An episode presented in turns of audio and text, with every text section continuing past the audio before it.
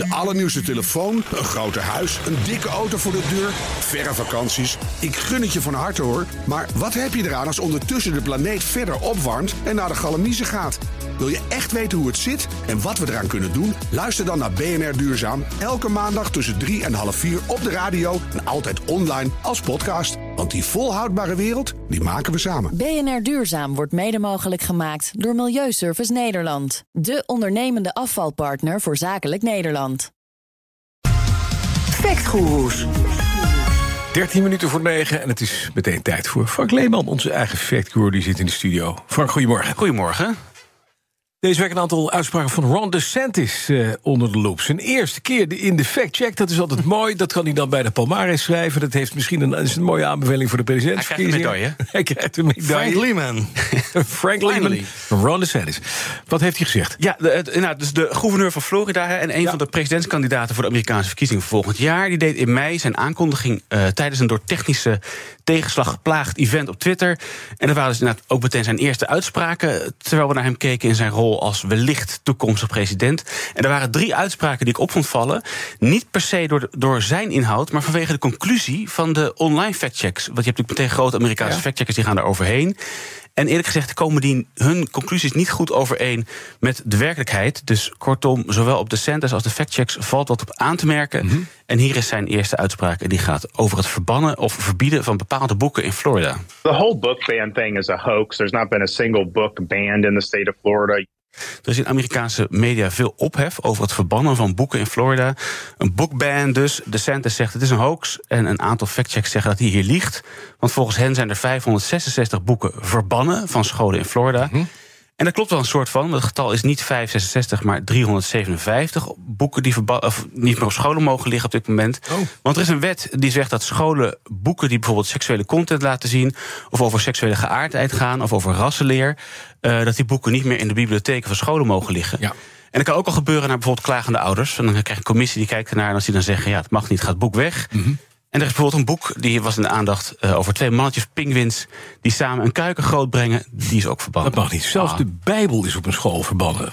Vanwege uh, controversiële en uh, seksuele inhoud. Ja. Toch, die boeken die zijn verbannen. En ja, dan zegt de Centers, er is geen boekban, maar er is wel een boekban dus. Ja, behalve dat je in Florida dus wel nog naar de winkel kan lopen of, of rijden eerder in Florida. Maar goed, en, en die boeken daar dus nog gewoon kan kopen.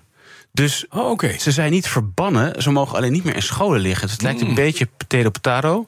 Maar het is juridisch gezien wel iets heel anders. Ja, en hij zegt van ja, er is niet één boek verbannen in de staat Florida. Nee, dus ja, het dat... is op zich waar, want je kan ze nog kopen. maar het is ook niet helemaal te krijgen. Dan iets over de criminaliteitscijfers in Florida. Ja, hier is de uitspraak. We have a 50-year low crime rate.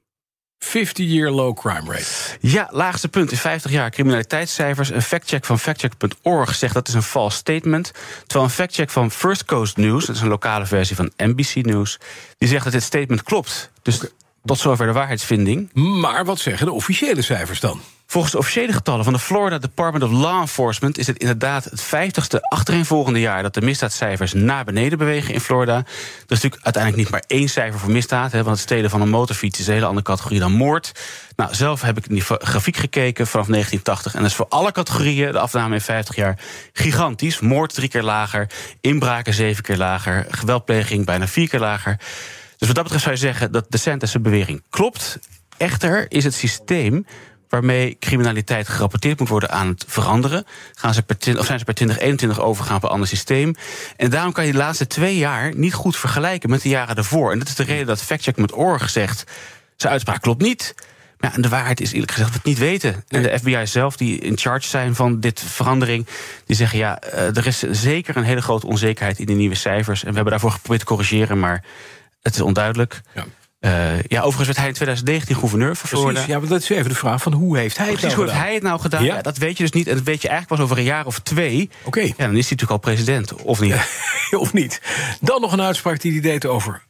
Uh, nee, eventjes, want, want als we kijken nog even naar die criminaliteit... waar staat Florida op de lijst van 50 staten? Het is een middenmotor, dus staan naar plek 26 okay. van de 50. Okay. Dan even de laatste uitspraak. Abortus? Dit is een hele gekke, want volgens factcheck.org beweert de Sanders dat Californië een staat is waar je abortus mag doen. Niet alleen tot aan de dag van geboorte, maar ook zelfs na de geboorte. Hm? Nou, dat laatste is uiteraard niet waar. En doet mij denken aan Hans Theo en Pieter Bouwman. Die hadden ooit een sketch en daar hadden het over reflectief aborteren voor ouders die geen zin meer hadden.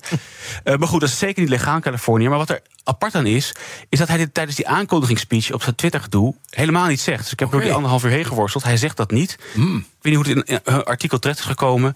Uh, maar goed, ze doen daar dus een factcheck op. En dan zeggen ze: het is niet waar dat je in Californië tot heel laat in de zwangerschap mag aborteren. Maar daar laten ze, laten ze ook een stukje bij buiten beschouwing. Mm. Namelijk, er was tot drie kwart jaar geleden een wet dat tussen 22 en 24 weken de abortusgrens lag, afhankelijk van allerlei indicaties. En dan was er nog een categorie waarbij abortus daarna nog zou kunnen, bijvoorbeeld in het geval van een medisch noodgeval. Maar sinds midden november is er een nieuw wettelijk kader in Californië en die is vaag. Oké, vaag. Hoe vaag?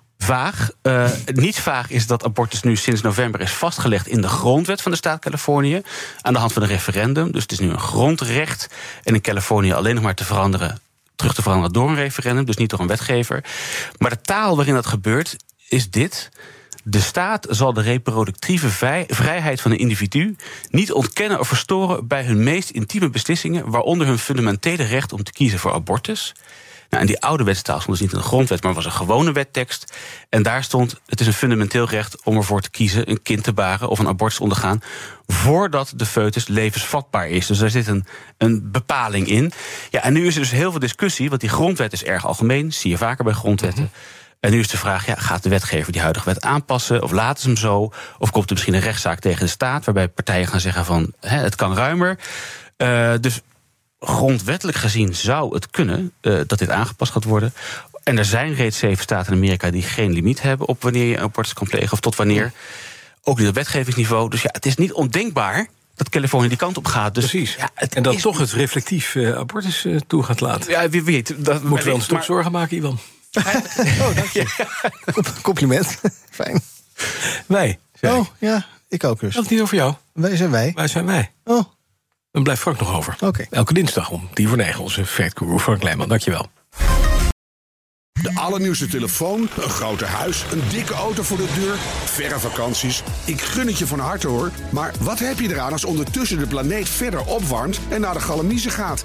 Wil je echt weten hoe het zit en wat we eraan kunnen doen? Luister dan naar BNR Duurzaam. Elke maandag tussen 3 en half 4 op de radio en altijd online als podcast. Want die volhoudbare wereld, die maken we samen. BNR Duurzaam wordt mede mogelijk gemaakt door Milieuservice Nederland. De ondernemende afvalpartner voor zakelijk Nederland.